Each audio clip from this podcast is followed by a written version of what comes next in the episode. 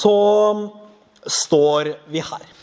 Og har akkurat lest en ganske altså, Vanskelig er ikke nødvendigvis det den er, men man kan jo begynne å lure når Jesus bruker såpass kraftige ord til Peter. Vi som har lest i Bibelen, vi vet jo hvem Peter er. Peter er en av de viktigste apostlene. Han er den som går for å være lederen av de tolv. Han som Jesus skulle bygge sin kirke på. Du er Peter, har Jesus sagt. Og på denne klippet vil jeg bygge min kirke. Og dødsrikets krefter skal ikke få makt over den. Det er ganske sterke ord, og det er ganske sterke ord om Peters viktighet. En viktig, viktig mann. Og så kommer dette. Vik bak meg, Satan. Er det noe man sier til en man skal bygge sin kirke på? Vik bak meg, Satan.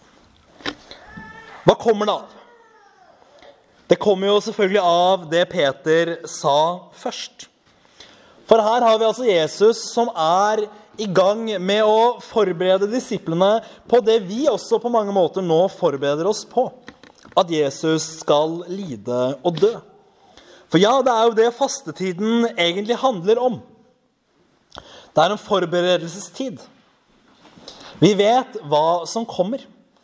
Vi har den store påskehøytiden foran oss, og fra gammelt av i kirken så har det vært viktig å forberede seg på disse tingene. Man har forberedt seg ved å gå i seg selv. Se hvilke deler av mitt liv må jeg gjøre noe med? Hvilke deler i mitt liv er jeg nødt til å gi opp? Hva er jeg nødt til å ta avstand fra for en periode for å kunne tale mer med vår Herre? Hva må jeg gi avkall på for å kunne bli mer menneske? Og det er en vanskelig ting å gå Jesu kors og grav i møte. For jeg har talt om det også tidligere. At den som dør, ifølge den menneskelige visdom, så taper han jo. Det er ikke noe seier i døden. Det er ikke noe liv i korset, vil mennesket si. Men vi som har lest Bibelen, vi vet at jo, det er fra kors og grav at liv og seier kommer, om enn hvor rart det måtte virke. Men jeg tror nok at Jesus også visste at dette her ville være vanskelig for disiplene hans å forstå.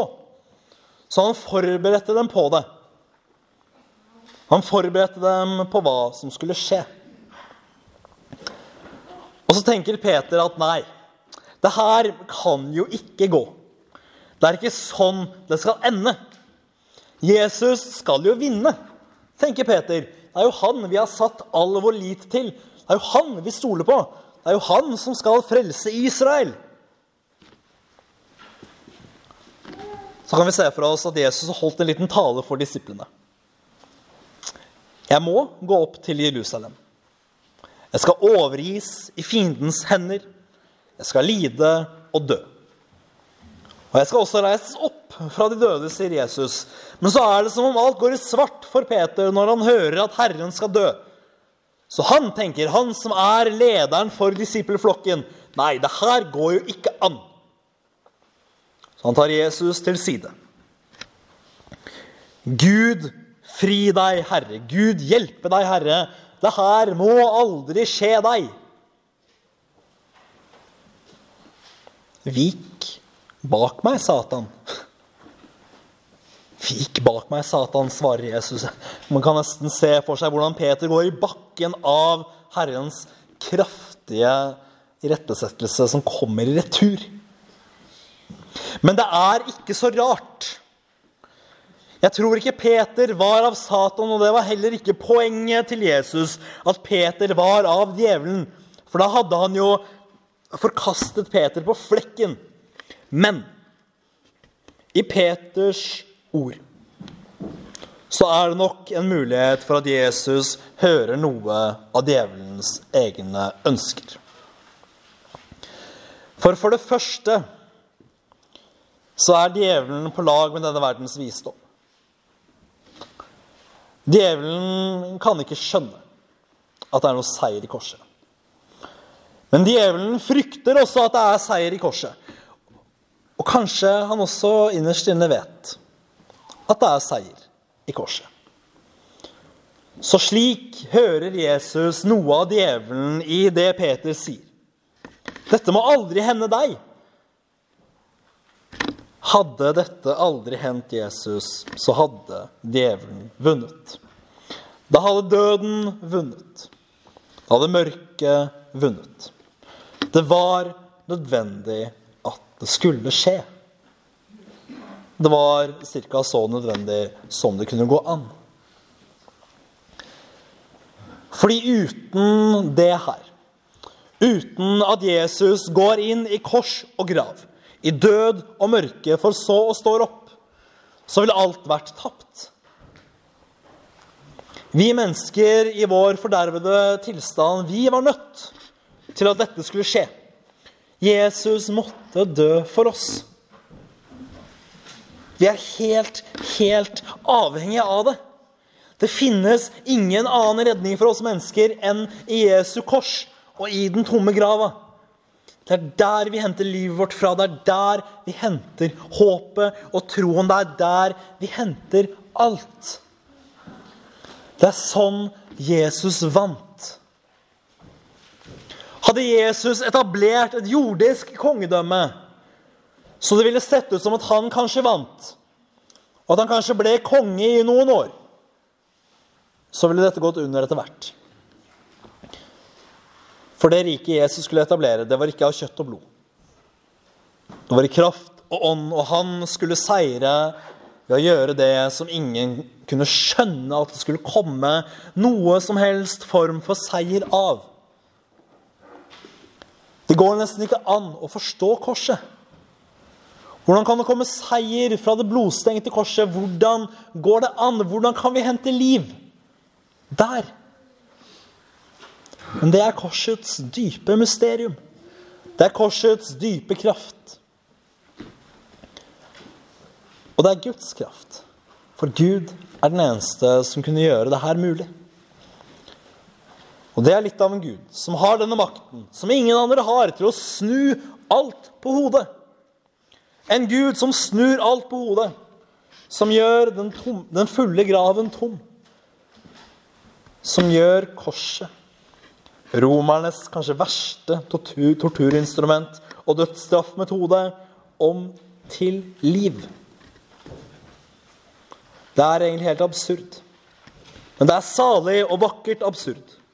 For det er i sannhet der vi henter vårt liv. Og jeg tror at vi må holde fast på korset. Vi må virkelig, virkelig holde fast på korset. Fordi det er i Peters prøvde fornektelse av korset. For det er jo det han er i ferd med å gjøre. Han er i ferd med å fornekte at Jesus må gå til korset. Han er i ferd med å fornekte korsets kraft og korsets seier. Vi kan ikke følge han på den veien. Vi kan ikke tenke så ondt om korset som Peter og tenke at dette her må aldri hende. Og at det hendte var vondt, og vi må ikke snakke om det. Vi kan aldri falle i den grøften. Vi må i sannhet, ja, sørge over korset og det som skjedde der. Men vi må også glede oss, fordi det er der vi finner vår frelse. Og vi kan ikke bli så redd for korset at vi flykter fra våre egne kors. For Jesus har sagt at den som vil følge han må ta opp sitt kors og bære det. Og det tror jeg er noe vi er i ferd med å miste i vår søken etter det gode liv. Vi mennesker i den moderne verden, vi gjør alt vi kan for å unngå lidelse. Og lidelse er aldri i seg selv godt. Det må vi være klar over. Det er aldri noen mening i lidelse. Men vi må samtidig holde fast på at vi kan ikke nødvendigvis alltid unngå lidelse for enhver pris heller. Slik er menneskelivet at vi etter hvert vil komme i situasjoner som er vanskelige. Det vil skje oss ting som er vondt. Og det er ikke sånn at vi skal fly dette for all pris. For også våre lidelser kan bli kors. Våre lidelser og det som er tungt i livet vårt, kan bli kors vi skal bære. Og det vi da må holde fast ved, det er at ja, dette er vondt. Og det er tilsynelatende ingen mening i dette. Men hør dette. Våre kors de kan bli til dypere forening med en annen som har båret kors.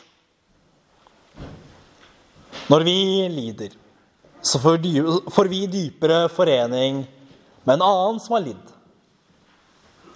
Når vi bærer tunge byrder, da forenes vi på et dypere sett med en annen, med Jesus, som har båret tunge byrder.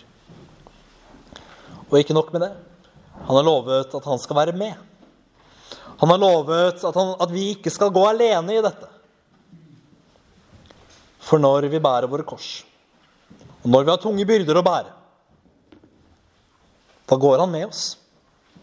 Han bærer med oss. Og Jesus har vært der vi på et eller annet tidspunkt kommer til å være. Uansett hva vi går gjennom, så har Jesus også gått gjennom det. Tenk på de intense lidelser Jesus måtte gå gjennom. Det er noe av det vi kan grunne på og meditere over i fastetiden. Tenk hva Jesus måtte gå gjennom for vår skyld. Ikke bare for å frelse oss, men også så vi skal ha en Gud som i sannhet har blitt oss likt i alt. Det er en god ting, og det er ganske unikt. Du leser ikke om det i noen andre religioner, om guder som på så radikalt vis har gått inn i menneskers kår. Det er det kun alene Jesus som har gjort.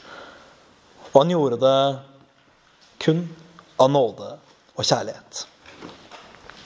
Ære være Faderen og Sønnen og Den hellige ånd, som var der og blir en sann Gud fra evighet og til evighet. Amen.